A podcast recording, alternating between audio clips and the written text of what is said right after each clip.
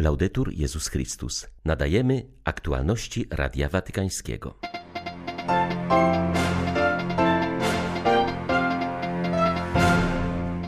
Kaznodzieja Domu Papieskiego przypomniał o aktualności chrztu w Duchu Świętym.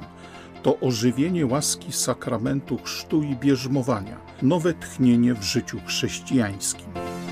Zamknięte serce powoduje większe szkody w relacjach międzyludzkich niż koronawirus, podkreślił przedstawiciel stolicy apostolskiej przy ONZ w Genewie. W Australii trwają przygotowania do piątego synodu plenarnego Kościoła katolickiego. 26 lutego witają Państwa Krzysztof Bronk i ksiądz Krzysztof Ołdakowski. Zapraszamy na serwis informacyjny. O roli doświadczenia chrztu w Duchu Świętym w chrześcijańskim nawróceniu mówił kaznodzieja Domu Papieskiego w pierwszym rozważaniu wielkopostnym. Kardynał Raniero Cantalamessa zastrzegł, że nie chodzi tu jedynie o doświadczenie związane z ruchem charyzmatycznym. Byli i są niezliczeni chrześcijanie, którzy przeszli przez analogiczne doświadczenie, nic nie wiedząc o chrzcie w duchu, ale otrzymali silne wylanie łaski i namaszczenie duchem w konsekwencji jakichś rekolekcji, spotkania czy lektury, wyjaśnił włoski kapucyn. Na wstępie swego rozważania wyjaśnił on, na czym polega nawrócenie, do którego jesteśmy wezwani w Wielkim Poście. Nowy Testament podaje trzy rodzaje nawrócenia.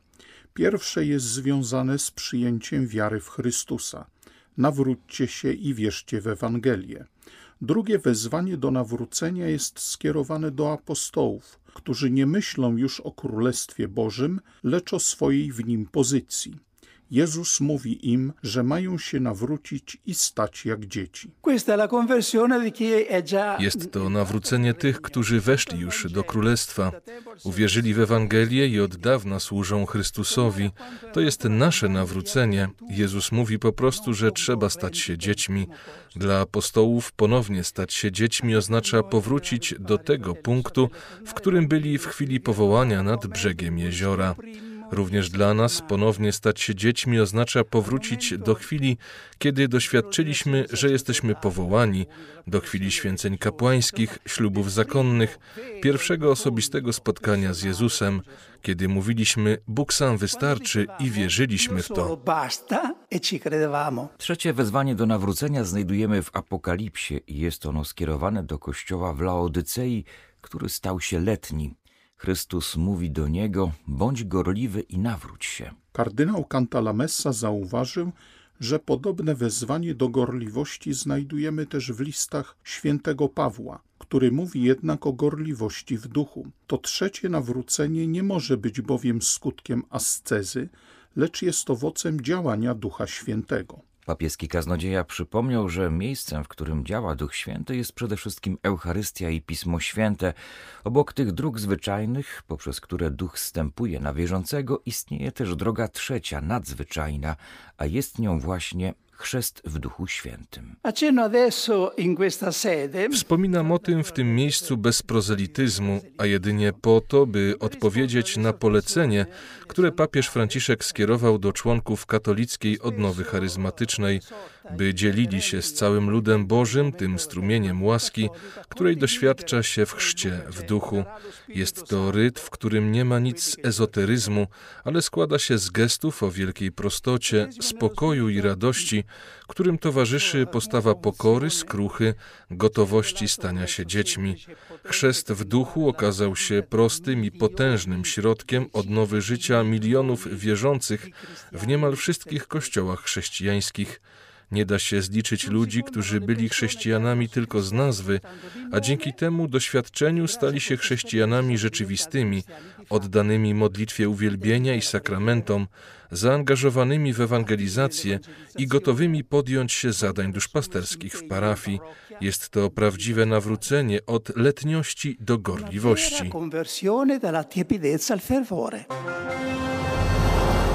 Papieska Rada do Spraw Promocji Nowej Ewangelizacji wydała nowy zbiór wskazań duszpasterskich, które mogą pomóc parafiom oraz wspólnotom chrześcijańskim w przeprowadzeniu inicjatywy wielkopostnej 24 godziny dla Pana. Jest ona przewidziana w tym roku na 12 i 13 marca. Jej hasłem są słowa On odpuszcza wszystkie Twoje winy. Niezależnie od trwania pandemii, papież Franciszek ustalił, że również w tym roku 24 godziny dla Pana odbędą się przed czwartą niedzielą Wielkiego Postu. Aby podjąć tę inicjatywę, należy zadbać o to, by w piątek wieczorem 12 marca oraz przez całą sobotę 13 marca otwarty był kościół. Trzeba w tym czasie umożliwić wiernym przystąpienie do spowiedzi, najlepiej podczas prowadzonej równolegle adoracji Najświętszego Sakramentu. Wydarzenie można rozpocząć w piątek wieczorem od nabożeństwa Słowa Bożego, przygotowującego do sakramentu pojednania, a zakończyć celebracją świątecznej Eucharystii w sobotę po południu. Tam, gdzie z powodów sanitarnych celebracja sakramentów jest niemożliwa lub może w nich uczestniczyć jedynie ograniczona liczba wiernych, adoracja eucharystyczna może być transmitowana online, przygotowując w ten sposób wiernych do wzbudzenia aktu żalu doskonałego. W pierwszej części wskazań przedstawione są teksty, które zachęcają do przeżywania w pogłębiony sposób indywidualnej spowiedzi. Druga część może pomóc w modlitwie i medytacji poprzez refleksję na bazie Słowa Bożego. Materiał może również posłużyć do przygotowania katechezy na temat sakramentu pojednania. Stały obserwator Stolicy Apostolskiej przy ONZ w Genewie, arcybiskup Iwan Jurkowicz, zabrał głos podczas spotkania na temat dialogu międzyreligijnego i roli wiary w czasach koronawirusa. Zaznaczył, że pandemia spowodowała nie tylko śmierć setek tysięcy ludzi i problemy gospodarcze, ale także zaostrzyła istniejące w świecie napięcia, pogłębiła nierówności i zwiększyła zagrożenie dla jedności między ludźmi, narodami i kulturami. Arcybiskup Iwan Jurkowicz podkreślił, że na całym świecie nasiliły się postawy egoistyczne, gromadzenie szczepionek, zazdrosne strzeżenie praw patentowych i zamykanie granic przed potrzebującymi. Te zrozumiałe reakcje na powszechny kryzys są jednak dalekie od tego, aby pomóc nam przetrwać burzę pandemii. Spowodują one ranę o wiele głębszą niż sam koronawirus. Zabiorą nam to, co ludzkie, a mianowicie zdolność życia w braterskiej komunii, zauważył watykański dyplomata. Zdaniem stałego obserwatora przy ONZ w Genewie szczery dialog jest narzędziem, który może pomóc w odbudowie świata po pandemii. Arcybiskup Jurkowicz zaznaczył, że papieżowi bardzo zależy na tym, aby pandemia koronawirusa nie doprowadziła do jeszcze tragiczniejszych konsekwencji w postaci pogorszenia relacji międzyludzkich.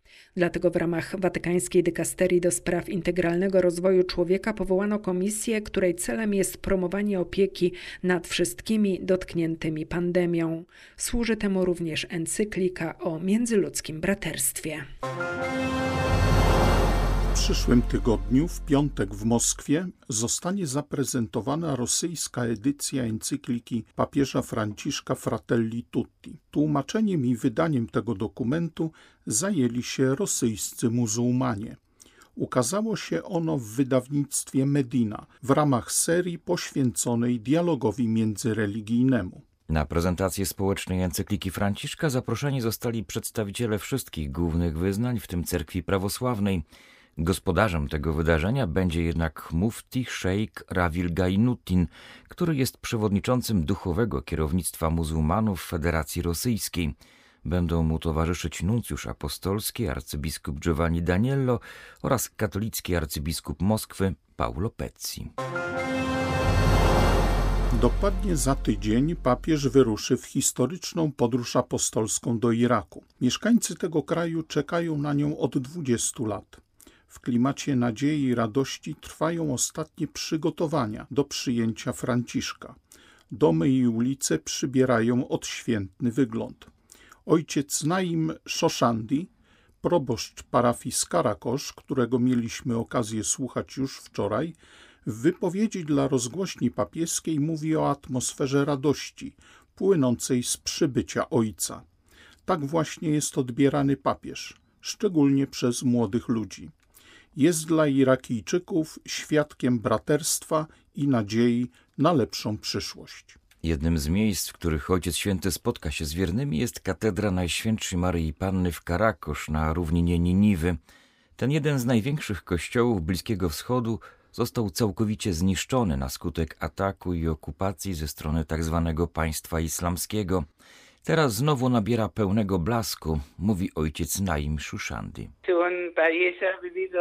Irak przez wiele lat był pogrążony w wojnie. Teraz przeżywamy ogromnie ważny moment dla całego kraju, ponieważ wizyta papieża będzie bardzo istotnym drogowskazem na przyszłość. Będzie ona wyraźnym podkreśleniem znaczenia państwa na arenie międzynarodowej, szczególnie w obliczu wszystkich trudności, jakie nas wciąż dotykają. Kraj doświadczył i nadal przeżywa cierpienia spowodowanego wieloma wojnami, które na niego spadły w ciągu ostatnich lat. Wizyta papieża jest na pewno ważnym etapem w historii Iraku, służącym także powstrzymaniu ekstremizmu oraz tych, którzy go wspierają. To będzie okazja, by tchnąć w naród nową nadzieję, aby podnieść na nowo ten kraj, to jakby dać mu nowe życie i nową duszę.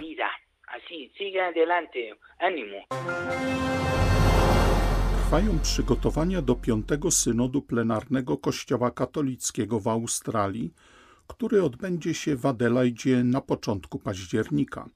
Przedstawiono właśnie instrumentum laboris, które posłuży jako podstawa do dyskusji dla ponad 250 delegatów. Dokument podsumowuje wnioski zebrane podczas dwóch faz dyskusji i rozeznania, które miały miejsce na przestrzeni ostatnich trzech lat.